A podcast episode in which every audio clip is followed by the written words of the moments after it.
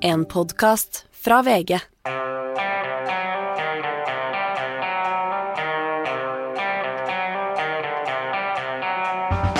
Ikke visste jeg at alle disse dagene som kom og gikk, de var selve uke 41.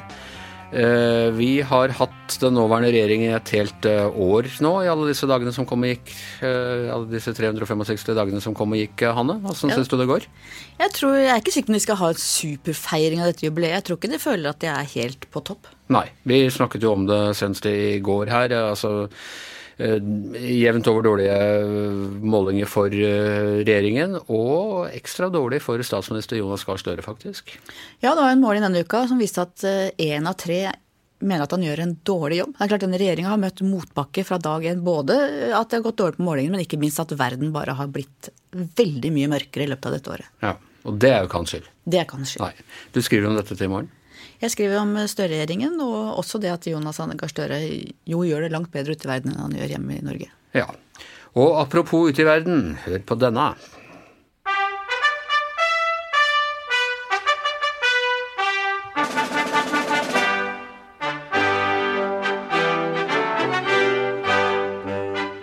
Vi skal snakke litt om Kinas lange marsj eh, både før og, og nå. Eh, Hanne er her, Per Olav Ødegaard er her, og eh, vår eh, venn fra, fra E24, Torbjørn Røe Isaksen er her. Og hele eh, podkasten er, er viet Kina, for de skal ha den 19. partikongressen. Eh, 20.. Ja, den 20. partikongressen nå eh, neste uke. Jeg lurer på, altså med antallet på partikongresser, det er sånn veldig kommunistisk greie. Jeg lurer på om 20. var den siste Stalin var med på i, eh, i uh, Sovjet, uh, Per Olav. Ja, det, det, det, det kan jeg ikke si. Jeg lurer på, Var det i 1952? mm, 1952? Da må jeg gjerne bli arrestert av gamle AKP-er her. Men, men eh, for Kinas sterke mann, som vi har diskutert litt hvordan vi, vi uttaler navnet på, men det er Xi Jinping. Xi Jinping sier jeg i Xi hvert fall. Xi Jinping. Ja. Xi, ja. Eh, så er ikke dette den siste partikongressen, med mindre noe helt radikalt skjer. Nei, alt tyder på at han eh, da blir eh, gjenvalgt for en tredje periode. Det er, vært, det er uvanlig, det. fordi... Blir han valgt i det hele tatt? Er ikke avgjort? Utpekt, ja. Men ja, det foregår i lukkede rom. Det er jo ikke slik at denne Det er over 2000 medlemmer som kommer fra hele landet til å delta på partikongressen, men det er jo ikke de som velger. Disse, disse valgene finner jo sted. eh, Det er både sentralkomiteen og politbyrå, ikke minst det mektige eh, stående komité i politbyrå, de syv personene som sitter der, det er de som i de, i de små kretser, mektige kretser, man utpeker det. Det er sånn som på Youngstorget. Noen av oss har snakka sammen. Ja.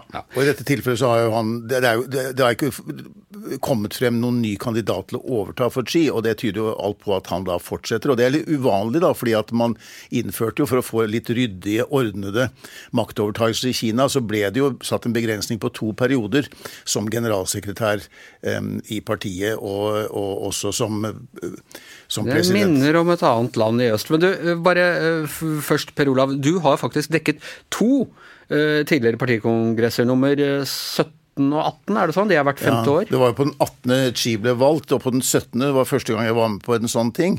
Og da var jeg kanskje litt eh, naiv, for jeg, var jo, jeg var jo akkreditert som presse der, og jeg var jo eh, til stede i Folkets store sal hvor disse møtene finner sted og sånn. Som jeg- ligger da midt i, i Beijing? Og... det ligger på Tiananmen Square, altså på denne himmelske freds plass. eh, Denne her enorme plassen midt i, i, i Beijing, som jo Mao ville jo at de skulle ha noe som var større enn Den røde plass i Moskva, så han bygget jo en som var eh, Keeping up Den er jo nesten en kilometer lang og 500 meter bred. Og der ligger jo da den himmelske øh, øh, Altså på Den himmelske freds plass så ligger jo den den, der, der er mausoleet til Mao midt i, og et, et heltemonument, Folkets store sal. Og Den forbudte by ligger også i den enden der, enden der.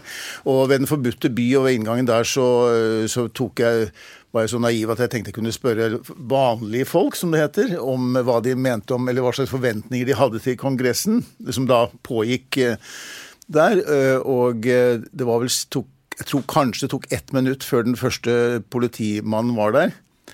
Og så kom det plutselig veldig mange politifolk. Og det fikk vel knapt noe ut fra noen av de forbipasserende. Og de brukte lang tid på å sjekke meg, og, og vi som var der, jeg og en fotograf, vi ble fulgt etter lang tids lite avhør på stedet der, så ble vi fulgt mange kvartaler bort. da, Forvist fra stedet og fulgt mange kvartaler, og vi hadde folk etter oss utover ettermiddagen, la jeg merke til.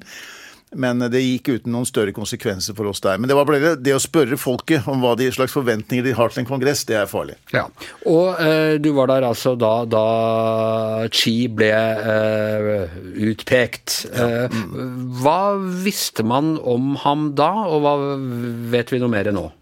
Han, man visste at han var en mann som hadde arbeidet seg frem i partisystemet, som også da hadde sittet i sentralkomité og politbyrå, og uh, som da var uh, Eh, sønn av en av disse revolusjonsheltene. Altså, Men som også var blitt eh, Altså, han ble offer for uh, Ja, ja. Han var jo Faren var jo uh, sånn propagandasjef i tidlig uh, fase av Folkerepublikken, altså når, det, når kommunistene hadde vunnet makten. Men ikke desto mindre så gikk han med i dragsuget under kulturrevolusjonen. Måtte ta sjølkritikk og jobbe på landet ja, og det hele tatt? Ja, og, det, og også sønnen. altså Xi Jinping var da 16 år, ble sendt ut på landsbygda. og jeg tror han var der i åtte-ni år og drev hardt arbeid for å som man da gjorde med, med, intellektuelle og folk man mente var fiender av, av systemet under Maos uh, ja. Så ble faren rehabilitert. Uh, sønnen kom tilbake, studerte Var det etter Males død, eller var det ja, Da er jeg litt usikker på hvordan dette Men det skjedde jo på slutten av denne fasen. ikke sant, at de, Mange av disse ble jo rehabilitert. Og det skjedde vel kanskje etter dette oppgjøret med med eh, Maos enke og alle de andre i den kretsen rundt. Ja, nettopp. Så, eh, og dermed så ble også sønnen rehabilitert, fikk utdanning osv. Gikk gradene i partiet, gjorde en karriere langs eh, kysten der i, og ble guvernør osv. Og, så videre, og kom inn i de sentrale organer. Eh, man så på han som en moderne, pragmatisk leder, men han har vist seg å være vist seg fra en litt annen side de siste åtte årene. Han var litt sånn Gorbatsjov-feeling over han da, da, han kom? Det var visse forventninger til at han kunne stå for en eh, kanskje mer moderat, mer åpen linje. Det var en del forventninger til det i begynnelsen. Det var folk som Ehm, kom til han, og det var eh, underskriftskampanjer osv., kom til han og sa dette kan være tidspunktet å åpne opp, liberalisere litt slik. Og, men det skjedde altså ikke. Nei. Det motsatte skjedde. Nei, Torbjørn øh... Jeg ble sittende og tenke på hva fem på gata kan hete på kinesisk, ja, men det fins kanskje ikke som konsept. Nei, det er Den herlige norske tradisjonen med fem på gata. Det var det jeg var inspirert av sannsynligvis da, den gangen i 2008. Ja, ja, ja. Det, var, det var jo en stund de hadde husker da jeg gikk på ungdomsskolen, så var jo liksom Kina eh, og radikaler i Norge var inspirert av dette at de hadde sånne veggaviser ikke sant? Ja, hvor du kunne kritisere Det viste seg jo ettertid bare å ha vært et, et maktgrep, det også, for å, for å, bli kvitt denne firebanden. Men uh, det var liksom eksempler på det, på det, levende demokrati. Og det var jo en stund mange av oss, i hvert fall, Torbjørn, trodde at det liberale demokratiet. Det lå en slags sånn, eh, med, en liberal markedsøkonomi det lå en slags tyngdekraft i det. Hvis du satte i gang med handel og, øh, og sånne ting, ja. så ville ja, dette, dette, dette var, rense ja, det, verden for og, diktaturer. Og det, var en veldig levende forestilling, og det hadde jo i og for seg noen årsaker bak seg også, men det er viktig å huske på at Kina, Kina starter jo sine reformer med Deng Xiaoping.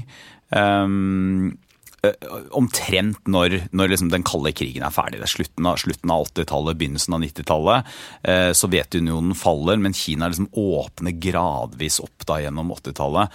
Og det man ser for seg sånn fra Vestens side da, og dette er bl.a. president Clinton som uttrykker veldig tydelig, det er, det er nærmest som at Kina, når de nå ikke har noe kommunisme lenger, for den er jo alle enige med at den er borte og på historiens skraphaug, så er det en slags sånn tom bolle.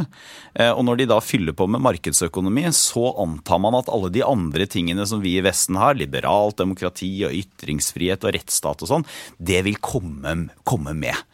Og så ser vi jo at det stikk motsatte har skjedd. Eh, Først hadde vi jo Himmelske fredsplass og massakren i, i 1989, som viste at eh, man var ikke helt klar for å innføre demokrati.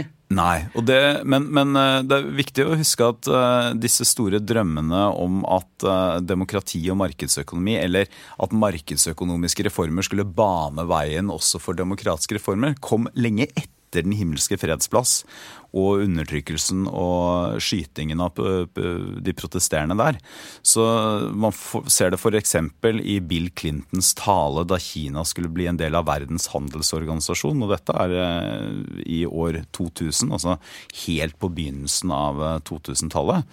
Eh, og, og, og, det som har skjedd, er jo egentlig det motsatte. Altså Kina har jo fått en del økonomiske reformer, men ikke blitt en markedsøkonomi. De er en slags sånn statsstyrt økonomi med privatkapitalistiske innslag. Det er det verste av to verdener, vil jeg nesten si. Ja, ikke sant? Det kan du godt si. Rovdyrkapitalisme kombinert med, med statsdiktatur. Samtidig som, samtidig som da partiet har, eh, særlig under Xi, da strammet kontrollen.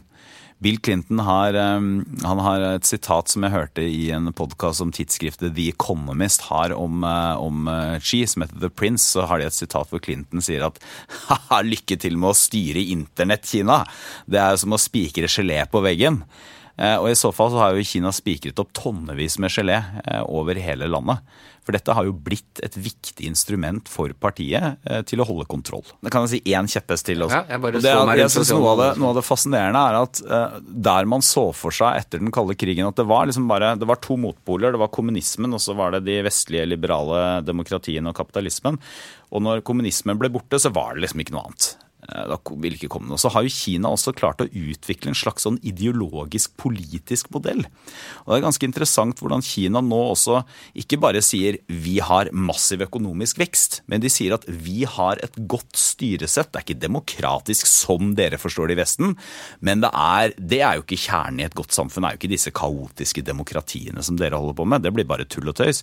Det er godt styresett. De slåss mot korrupsjon, de løfter folk ut av fattigdom, og det er mye viktigere enn disse liksom, liksom, rettighetene som Vesten driver og maser om. Hanne, jeg husker eh, en gang i oppveksten så hørte jeg at uh, Einar Gerhardsen hadde jo en viss sånn, hva skal du si, uh, fascinasjon for Sovjetunionen og, og, og, kommunismen. Han har vært kommunist selv i ungdommen, så ble han altså sosialdemokrat. Og, men at han fryktet at det kommunistiske systemet skulle overvinne kapitalismen, fordi man kunne planlegge, man kunne ta høyde for en hungersnød.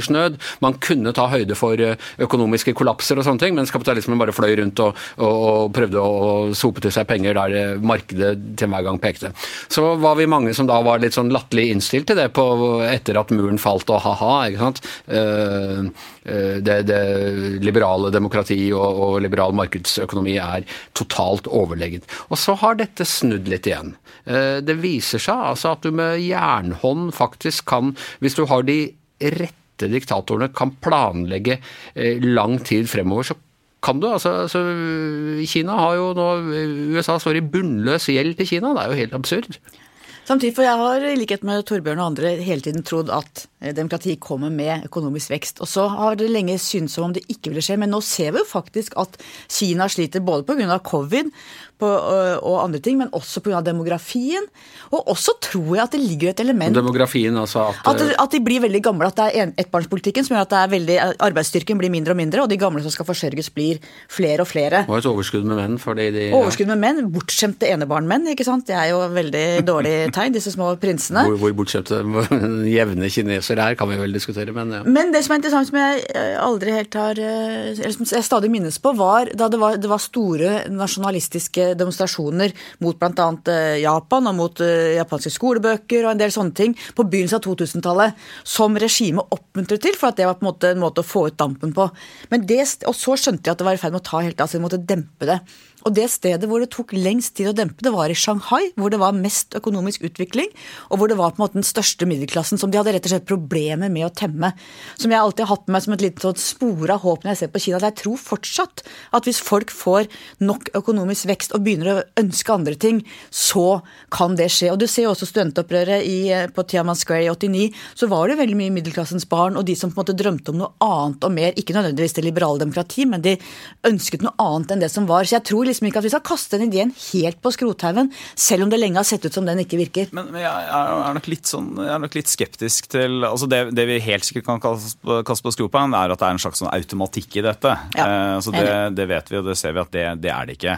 Um, og så er jeg, nok, jeg er nok litt skeptisk til, til, det perspektivet, også fordi at det er viktig å huske at selv om Kina På en måte så har kommunistpartiet i Kina totalitære ambisjoner i den forstand at de, de, skal ha kontroll over hele samfunnet, og det skal ikke finnes noen alternative maktstrukturer. Men det er jo heller ikke Du nevnte kamerat Stalin i stad. Altså, Kina er jo ikke et land hvor, hvor myndighetene er Uh, altså, de, de, er opptatt av hva folk tenker og føler. Det er ikke styrt ikke av paranoide tyranner? Nei, ikke sant. Så, så, så, det er ikke De er ikke styrt av en paranoid gærning som Stalin jo var. Og det betyr f.eks. at denne antikorrupsjonskampanjen til eh, Ski, som de kjører ganske hardt på, og det er mye som tyder på at Ski også personlig ikke ikke har vært involvert i korrupsjon på samme måte som mange andre. Eh, det er jo et forsøk også på å justere, nettopp fordi at man skal unngå da denne ulmende folkelige misnøyen. På den andre siden står jo da denne null covid-politikken, som jo hadde sine ikke bare støttespillere, men fikk jo hyllester i mange vestlige land, inkludert Norge, som sa 'se så flinke Kina er'. Og så viser det seg jo at systemet klarer ikke å justere, ikke for de kan ikke innrømme feil. Når Kina først har latt seg feire for at de åpner opp og har bekjempet covid mens Vesten stenger ned, så kan de ikke komme etterpå og si 'faen, vi dreit oss ut', er, vi bomma. Det blir et for ydmykende nederlag for partiet og presidenten. Og så er det viktig å huske at de er livredde for kaos, det er den største frykten. Og når Xi slår så hardt ned som han gjør, så skyldes jo det bl.a. at han opplevde kulturrevolusjonen med alt kaoset, blodbadet, alt som var der. Så det som på en måte er ledende for kinesiske ledere alltid, er jo harmoni, ikke kaos. Ja, og så tror jeg noe av den kontrakten som eh, partiet har med folket, er på en måte dette at de skal levere økonomisk vekst. Og så har vi snakket om dette med økonomisk vekst og demokrati osv. Men det vi også kan må huske på i den sammenheng, er jo at altså, Se på Hongkong, se på Taiwan. Kinesere er, eh, klarer å skape økonomisk vekst under mye friere politiske vilkår eh, når de får muligheten til det. Så Man snakker om at det er et økonomisk mirakel som har skjedd i Kina. Ja, men på mange måter så startet jo det på Taiwan, eh, også i Hongkong, hvor de hadde friere muligheter, større politiske rettigheter. Og det har mer hemmet denne veksten enn det, har, enn det har bidratt til å skape vekst, etter min oppfatning. Men nå har jo de siste 20 årene. Vi var jo vant med at Kina hadde vekst som var over 10 eh, av bruttonasjonalproduktet hvert år. ikke sant? Altså eh, kraftig vekst. Så i år så har de da kalkulert med en vekst på 5,5 eh, Men nå sier Verdensbanken at det blir en langt lav... De har nedjustert forventningene til Kinas vekst i år. Og for første gang på jeg tror i hvert fall 20, siden 90-tallet så er den forventede veksten i Kina lavere enn i Asia, sett under ett. Altså, det er noe som, det er, det er problemer her med Og når de da, hvis arbeidsledigheten øker um, Pga. nedstengninger og mange andre forhold. Eh, hvis eh, den levestandarden går ned, eh, vi ser problemer i økonomien med en eiendomsbolig-nedtur bl.a., men også andre forhold så kan dette være en stor utfordring eh, for, eh, for Xi i den neste perioden han går inn i. Ja, og det, det er jo en sånn limits to growth-situasjon som det virker som man er litt oppi. Og hva Eh, ta en runde på dere alle sammen. Hva tror dere det vil gjøre? Altså, vil, det, det passivisere Kina noe mer? Gi, i eh, USA litt uh, initiativet tilbake? Vil det, vil det stramme inn diktaturtendensene? Vil de eventuelt, slik vi vet om en nabo som har gjort, når det ikke går så bra økonomisk, så, så blir man mer nasjonalistisk og begynner å invadere andre land?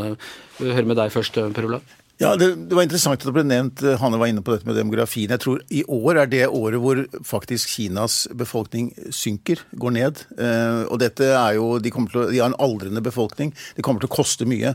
Eh, og eh, Nei, altså det, de, de, må gjøre noen valg, da. Hva de skal prioritere den tiden fremover. Eh, de har bl.a. lagt opp til en veldig ekspansiv utenrikspolitikk. De har prøvd å kjøpe seg innflytelse, bygge infrastruktur i andre land. Eh, samtidig som de har bygget opp et veldig sterkt eh, sikkerhetssystem hjemme.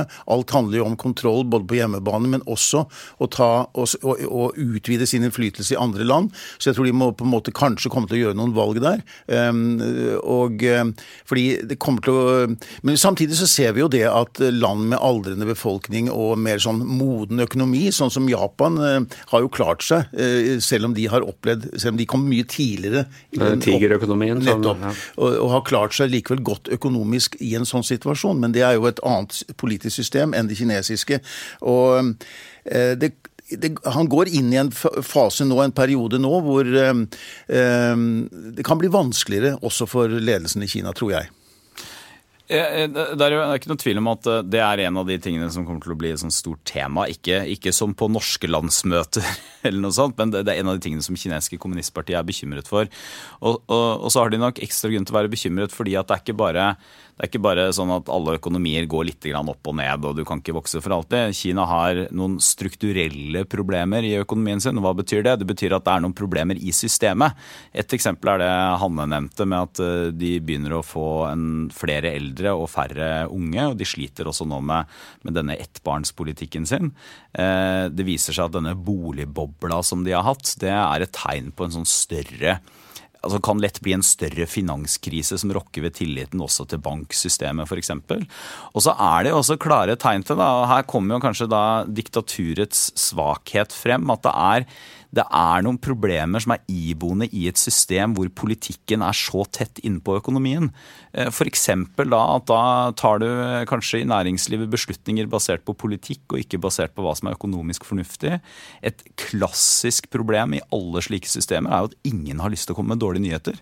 Fordi at måten du kommer deg oppover på, er jo å være inne med de riktige menneskene. ikke sant? Det er litt det samme som vi diskuterer med Putin, og hvem tør å fortelle Putin at det går skikkelig dårlig? Det er ingen som har lyst til å gjøre det i sånne systemer som er bygget opp av veldig strenge makthierarkier, ofte lukkede, og med én eh, person på toppen. Og det får også noen økonomiske konsekvenser. Det er klart, Hele legitimiteten til det kinesiske styret hviler på det løftet det gir om økonomisk vekst, og at de skal løfte stadig nye millioner ut av fattigdom. Eh, og idet det ikke skjer, så er det trøbbel. Og lenge fram til begynnelsen av 2000-tallet så offentliggjorde de jo antall opprør, lokale opprør i Kina. Og det var liksom flere titusen hvert år. Og så ble det så mange at det har de slutta med. Så siste i hvert fall tipper 20-åra så vet vi ikke lenger noe om det. Men vi vet jo at det bobler lokalt. Og du kan jo se for deg hvis det blir innstramme innstramma økonomisk vekst og mer lokale opprør, at de strammer grepet ytterligere. De har jo allerede et system med massiv overvåking, sosiale poeng, hvor de ser alt de gjør, kameraer overalt. Og det kan eh, stramme til enda mer. Det har jo en brutal historie i Kina med hva de faktisk kan gjøre overfor sin egen befolkning. Ja, nettopp. Altså, jeg, jeg, tenkte, altså, Nå ser vi på den som et rasjonelt, liksom, uh, hardt, men uh, rasjonelt uh, tyranni. Men altså, de har jo en helt crazy historie. Mao var gæren, han. Skulle utrydde alle spurvene og, og førte til hungersnød ja. på, på landsbyen. Og, og, og, det der med å utrydde spurvene var jo blant de mildere tingene han ja, ja, men det var bare et eksempel på Utrydde liksom, lærere og intellektuelle og Ja, ja, ja. altså Eh, det er, jo, det er jo et eh, Det står jo ikke noe tilbake for eh, Kambodsja eller andre sånne redselsregimer, så det er en historie det er greit når det går greit, men når det ikke går greit lenger. Ja, og så har du jo da benyttet dette med at de er blitt de, den, den teknologiske kunnskap de har fått, og den utviklingen de har hatt på det området, har gjort at de har tatt det i bruk for å styrke denne overvåkningen. Og, og, og egentlig skapt et slags eksportprodukt i hvordan du kan kontrollere en befolkning. Dette er, dette er systemer de, de, nå selger til andre land under påskudd med at det skal bedre offentlig orden og sikkerhet på, på offentlige steder. Men, men dette er også systemer som brukes til å overvåke borgerne hele tiden og kontrollere kontrollere enhver dissens. Og så har de da gjennomført De har jo sitt eget Weibo, som er et slikt alternativ til Facebook, Twitter, ikke sant, som er et sosialt medium som er veldig populært i Kina. Og der er de årvåkne. Jeg tror de har, de har Det siste jeg så var 1 eller 1,5 million mennesker som bare sitter og følger og overvåker det systemet hele tiden for å ta ut um, um, forbudte temaer. Uh, og, for å, og, for å, og, for liksom å gå inn. Og det skal lite til før folk blir kastet ut av systemet eller straffet på annen måte. Det var en periode de sensurerte Ole Brumm, f.eks. For eksempel, ja. fordi han uh, var litt snarlik president. Nettopp. Jinping. Ikke sant. Ja, men de har opphevet det? Det er lov med Ole Brumm nå? Ja, det, det er jeg litt usikker på. Men jeg, jeg, tror, jeg, tror nok, jeg, tror, nok, eh, at Kina har et større sånn arsenal enn bare denne økonomiske veksten. Det er klart Mye av legitimiteten har, har ligget der, og kommunistpartiet har vært veldig opptatt av det. Men, men den store historien som kommunistpartiet forteller, og som, som det er grunn til å tro at mange kinesere også deler, det er jo at Kina er nå tilbake. Kina var midtens rike, sentrum sentrum i verden. Så ble de ydmyket og dratt gjennom søla i 150 år, delvis da av vestlige land. Nå er Kina tilbake. Og denne liksom, nasjonale stoltheten og følelsen av at verden rundt anerkjenner ikke oss for alt vi har fått til, tror nok jeg også stikker dypere enn bare liksom, eh, at kommunistpartiet kan ha makten så lenge, så lenge, veksten er god. Og det viser seg jo også i nettopp at kommunistpartiet koopterer jo nasjonalisme. En gang i tiden var jo, var jo kommunisme liksom ikke nasjonalistisk. Proletariatet kjenner intet fedreland. Nettopp, nettopp. Og så viser det seg at proletarene også har et fedreland, og det har de i høyeste grad også i Kina. Og det svarer på ditt forrige spørsmål som vi ikke berørte, nemlig kan det også bli krig? For det er klart, Taiwan er et veldig veldig viktig tema både for kinesiske lederskap, men også for kinesere flest. Det regnes som en del av Kina, og det regnes som et viktig nasjonalistisk prosjekt å innlemme Taiwan ordentlig i det store Kina. Så det øker jo risikoen for, for at det kan bli krig i Taiwanstredet og på Taiwan. Og alle som kan om Kina, sier at det kommer til å skje på et tidspunkt. Det er bare spørsmål om når, ikke om. Så vet vi også at uh, mange bøyer, altså ikke bare i Kina, men også utenfor, eh, bøyer seg uh, for Kina. Vi, vi, ble satt i fryseboksen her da, da Nobelkomiteen ga en nobelpris til, en de ikke likte. Har ikke, har ikke skjedd siden. Vi satt jo litt der for en drøy uke siden, Per Olav, har snakket om tenk om de gir den til en, til en kineser. Ja, kandidater som jeg mente virkelig var godt kvalifiserte også. Det, ja. det handlet jo da om en representant for uigurene som vi nevnte, og det handlet også om disse demokratiforkjemperne i, i Hongkong. Eh, det er jo en del av historien her at eh, under disse ti årene, første ti årene med Xi, så har eh, bruddene på menneskerettigheter økt kraftig i Kina. Og de som har merket det aller mest, er uigurene, den, den, muslimske minoriteten i Kina, og, og, og, og Hongkong. Og om man hadde gitt fredsprisen til en uigur altså Én ting er å gi det til en poet, men, men til en uh, litt aktivistisk uigur, det hadde det. Ja, det var jo en av de som altså, Det var en person som da sitter innesperret på livstid i Kina ja. uh, for å ha hatt en nettside som ikke likte, myndighetene likte. Og han er ikke alene om det. altså Behandlingen av uigurene er vel liksom det aller, det aller største menneskerettighetsbruddet eh, man har i, i Kina. Man har snakk om å, å, forsøke på å utslette eh, en, en kultur. Eh, Øst-Turkmenistan. En beinhard assimileringspolitikk. Omskoleringsleirer som, som blir kalt konsentrasjonsleirer. Og har, man har også snakket om hvorvidt det foregår et folkemord der? Ja, altså Du har jo i hvert fall minst én million mennesker i den type leire, da, som eh, kineserne velger å kalle ja, omskolering. Det er jo interneringsleire. Og eh, etter mye om og men så kommer jo FN med en ganske hard, sterk rapport om dette nå eh, ganske nylig. Det var Eh, eh, hvor, hvor, de, hvor, de, også diskuterer, eh, og de sier er troverdige, disse rapportene som kommer om, om disse bruddene og disse, denne mm, tvungne interneringen og, og, og, hva som foregår i disse leirene, og snakker om at dette kan, kan utgjøre forbrytelser mot menneskeheten, som jo er en av disse som er etter internasjonal straffe eller internasjonale juridiske regler, å bryte med det. sånn at det er, ganske, det er ganske godt dokumentert alt det som skjer der. Kina reagerer alltid rasende på den type kritikk.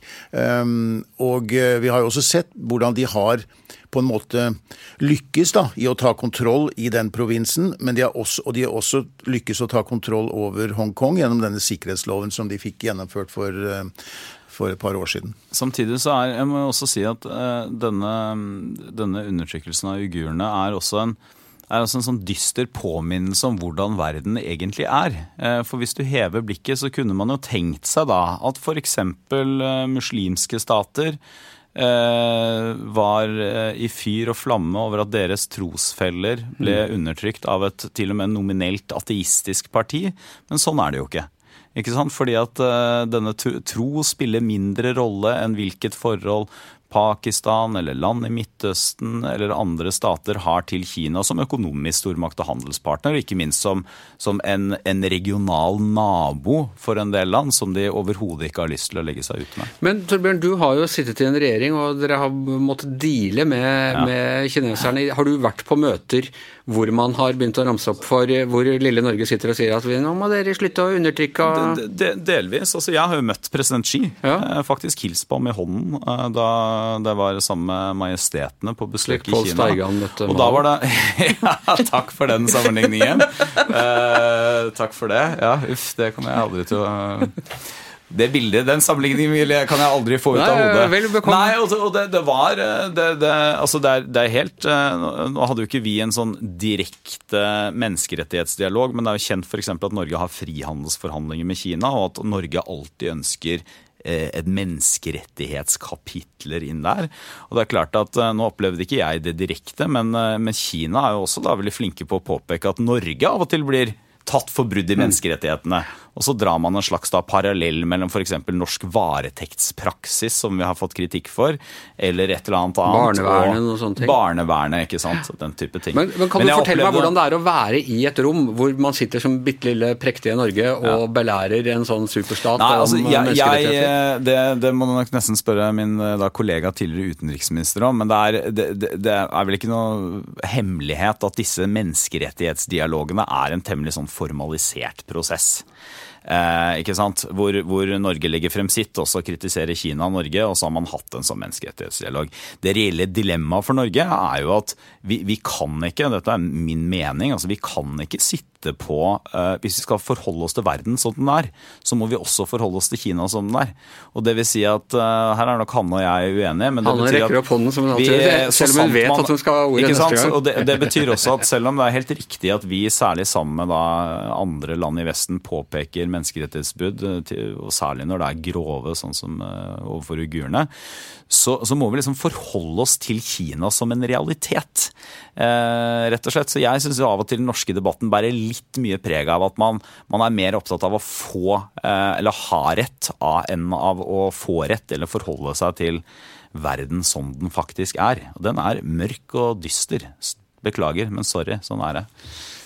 Det er stor forskjell på å måtte forholde seg til en stormakt som er der, og det å legge seg inntil dem i samme senga. Og Norge, I skje. I skje. Og Norge er jo et av de få landene som da prøver å få en frihandelsavtale. Eh, og det syns jeg er veldig spesielt. Det ligger i Næringsdepartementet, og det er alltid de som skal svare, ikke Utenriksdepartementet. Jeg har stilt spørsmål om dette. Eh, eh, Norge trenger ikke å være så tett på Kina. Vi må forholde oss til dem som den de er, men vi trenger ikke virkelig å legge oss inntil. Og du ser f.eks. Universitetet i Oslo, som har eh, København vil ikke lenger ha Fudan-universitetet, Europa, Europaavdelingen derfra i sitt universitet. Oslo mottok det med åpne armer. Norge har en naivitet i forhold til Kina som men, er eh, Men jeg vil mene at Nå må jeg jo si, da, siden jo, at det, det, jeg har jo hatt ansvar for dette som regjeringsmedlem, så her er jeg jo åpenbart ikke, liksom, eh, åpenbart ikke habil eh, på den måten. Men, men, jeg er enig med Hanne i at Norge har hatt delvis en naiv holdning. Altså I den forstand at man har ikke forstått at Kina er Kina er mye mer planlagte. De er veldig opptatt av akkurat hva de ønsker i samarbeid med konkrete land, også med konkrete institusjoner. Eh, samtidig så mener jeg ikke at svaret på, på, en, svaret på det er jo ikke Altså det er ikke å liksom late som om, eh, om eh, norsk retorikk kan endre verden alene. Og Jeg mener ikke at vi skal legge vekk vår menneskerettighetskritikk på noe som helst måte, men jeg mener at det er et mer sånn realpolitisk valg i bunnen der. Eh, og det valget innebærer både at vi nå må være mer årvåkne, fordi Kina har altså Kina er definert som en systematisk rival, strategisk motstander for, for EU. Det er naturlig at vi også legger oss på samme linje. Ja, altså en nær arktisk stat i direkte Ikke sant, men samtidig så skal vi også forholde oss til dem og samhandle med dem, og sannsynligvis også en periode i hvert fall handle med dem. Da. Det store spillet nå i dette århundret er jo denne kampen mellom USA og Kina ja. om global eh, innflytelse og global makt, egentlig. Og så er det jo en diskusjon i Europa hvordan man skal forholde seg til dette. For vi havner på sett og vis imellom, ikke sant. Vi har våre allianser til USA, vi har vår nære tilknytning der, men vi forholder oss til Kina. Jeg har jo sett en utvikling i Europa også i retning av altså dette med handelen med Kina, forbindelsen med Kina, det er blitt en større grad av realisme der også, også ut ifra det at um, vi er opptatt av å beskytte vår kritiske infrastruktur. Mm, det er blitt et særlig viktig tema nå. Vi vet at Kina der er en utfordrer. Og jeg tror det er en større forståelse også i Nato, f.eks. i Nato-sammenheng, for at Kina For første gang så er Kina nevnt som en utfordrer, en, en, en utfordring da, i Nato-dokumenter. det har jo ikke vært vanlig før. Det kom inn i det nye dokumentet som ble vedtatt på Nato-toppmøtet nå i sommer. Så det er en økt realisme. Man ser at dette, det er vel og bra å handle med Kina, men det har noen begrensninger og det har noen utfordringer, og vi må vite hva vi gjør. Og du kan ikke frikoble det fra sikkerhetspolitikk. Det er vel den store endringen? Og den vi har hatt av handel, altså Vi har f.eks. hatt folk som har vært med, med skipsbygging i Kina, som da har vært med antagelig på å videreutvikle navigasjonssystemer som kinesiske marinen kan bruke. De bygger jo opp en massiv marine og skal bli en stor sjømakt. Og det var jo ikke sånn at vi de årene i fryseboksen gjorde det veldig dårlig økonomisk. Laksemilliardærene bygde opp sine største formuer kanskje i nettopp denne perioden. Vi solgte masse laks via andre land. Som du nå skal gi tilbake til fellesskapet. Ja, men det er bra. Eh, og dette med menneskerettighetsdialog også. Altså Noe av argumentene for din regjering eh, Torbjørn, var at man skulle da også ta opp igjen denne menneskerettsdialogen. Derfor inngikk man bl.a. derfor denne normaliseringsavtalen, som jeg må si jeg syns eh, ikke var særlig eh, elegant. Jeg studerte i sin tid i USA og var sammen med en kinesisk dame som var fra kinesisk UD, egentlig. Hun fortalte meg en gang om de hadde hatt en svensk statsbesøk. En svensk statsråd som da hadde kommet inn til jeg tror det var presidenten faktisk, i Kina og begynte å snakke om menneskerettighetsspørsmål. Og da hadde han, eh, presidenten, bare, eller visepresidenten, bare brukte resten av den timen på å forelese. De slapp ikke til med noen andre spørsmål, disse svenskene, om alt de skulle ha. Næringspolitikk, industrisamarbeid, alle disse tingene. Så kineserne er ikke særlig mottagelige, og jeg tror egentlig heller ikke at de lytter noe særlig på de Nei, tingene. Det, det viktige er hva vi gjør, og hva vi gjør på økonomien. Men jeg tror vel fellesnevneren her vil være da at uh, både denne diskusjonen om eh, menneskerettighetsdialog og handelsdiskusjonen er, den er nødt til å oppdateres med at vi er i, eller har vært tydelig lenge, og nå er det helt klart for alle, vi er i en helt ny sikkerhetspolitisk situasjon.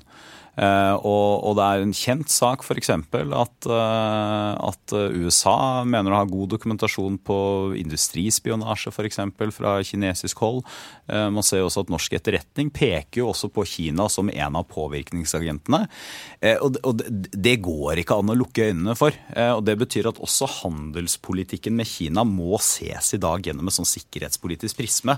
Og det er nok mye viktigere enn akkurat hva som sies på et møterom i en årlig MR-dialog. Ok. Eh, siste runde på dette. Altså nå eh, Kina er, er, et forferdelig diktatur på mange måter, og de er store og skumle, og, og hvordan skal vi forholde oss til dem? Men kan de også nå sitte på nøkkelen til fred mellom Russland og Ukraina, eh, Per Olav? Er det de som kan komme inn og på en måte sette ned foten, sette skapet på plass. Eh, få Putin til å eh, innrømme type nederlag eller eh, strekke opp en fredstraktat som, som begge parter eh, må være fornøyd med? Jeg tror de har en en, en, stor mulighet til å øve den type innflytelse hvis de ønsker å gjøre det. Nå skal vi huske på at det forholdet mellom uh, Russland og Kina er ikke noe Det er et asymmetrisk forhold. Altså, Kina er mye, Nettopp, sterkere, kan, mye sterkere enn Russland på alle mulige områder. Selv om Putin gjerne fremstilles som de er likeverdige partnere. Um, han reiste jo, som vi husker, til Beijing rett før OL, og, og de laget dette dokumentet om et strategisk fellesskap ikke sant, hvor de kunne samarbeide om alt mulig. Og Kina har betydelig mulighet til å øve påvirkning på, på, på, på Putin. Xi kan bruke den makten om han vil. Vi har ikke sett så mange eksempler på at det har skjedd. Uh, jeg tror at en av de tingene som kanskje kan virke inn når Putin truer med masseødeleggelsesvåpen. Det tror jeg er en rød strek som ikke uh, Xi er spesielt, og kineserne er interessert i at, uh, at Russland skal uh, gå i den retningen der. Det, det, det vil være en det vil, det vil bryte med Og det vil kanskje kunne være noe som Hvis Putin, nei, hvis Putin skulle gå til et så dramatisk skritt, tror jeg det kan medføre et, et, et brudd med Kina, og det har ikke Putin råd til. Jeg er enig, enig, i den vurderingen. Eh, og så er det viktig å si også at Kina Kina stemmer jo da sant, De er avholdende eh, i de voteringene i Sikkerhetsrådet og i FN, men har jo valgt side. Altså, det er ikke noe tvil om de, Det er ikke sånn at de aktivt støtter Russland med våpen, f.eks., men de, eh, retorisk så er de på, på, Russlands side. Og de selvfølgelig også kjøper mye av Russlands varer i den grad de kan det. Så tror jeg nok der de har en størst sånn positiv innflytelse, er på den type negative begrensningen. Altså at uh, også for Kina, som, som, selvfølgelig har ambisjoner om å vokse og skal liksom ha sin plass i solen både økonomisk og militært og politisk, så er det allikevel en eh, I hvert fall sier de veldig opptatt av at det er noen sånn grunn noen sånn grunnregler da, eh, som i og for seg Putin har brutt ved å gå inn i et annet land, men, eh, men bruken av atomvåpen er jo et av dem. Eh, og det, det, er jo noe av det som dessverre nå, skummelt nok, har blitt en aktuell diskusjon, hvor, hvor de fleste Kina-kjennere mener at dette vil være, det vil være uakseptabelt for Kina. Det er klart at Russland blir mer og mer avhengig av Kina jo mer isolert de blir. Og maktforholdet er jo som Perula var inne på, så dramatisk forskjøvet. Husk da Mao reiste til eh, Sovjet, gamle Sovjetunionen, ble han ydmyket og følte seg virkelig ikke tatt vare på. Og da var det Sovjetunionen som var den store, sterke, og Kina var lille fattiglusa. Nå er det omvendt, og det tror jeg kineserne er seg veldig bevisst. Og de vil bruke den posisjonen for alt det er verdt. They som... drive a hard bargain, sa han sa vel ikke det på engelsk, men de er harde til å kjøpslå, sa Putin om kineserne nå for en stund siden. Og som et resultat av krigen krigen i Ukraina vil eh, Russland bli mer svekket, eh, og Kina vil bli sterkere.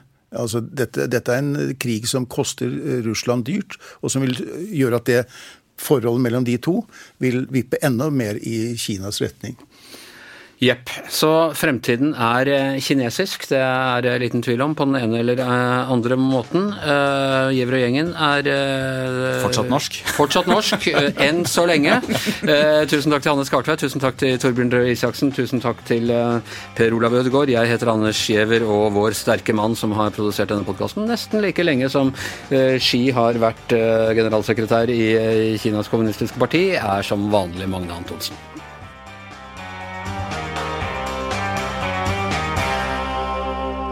Du har hørt en podkast fra VG. Ansvarlig redaktør, Gard Steiro.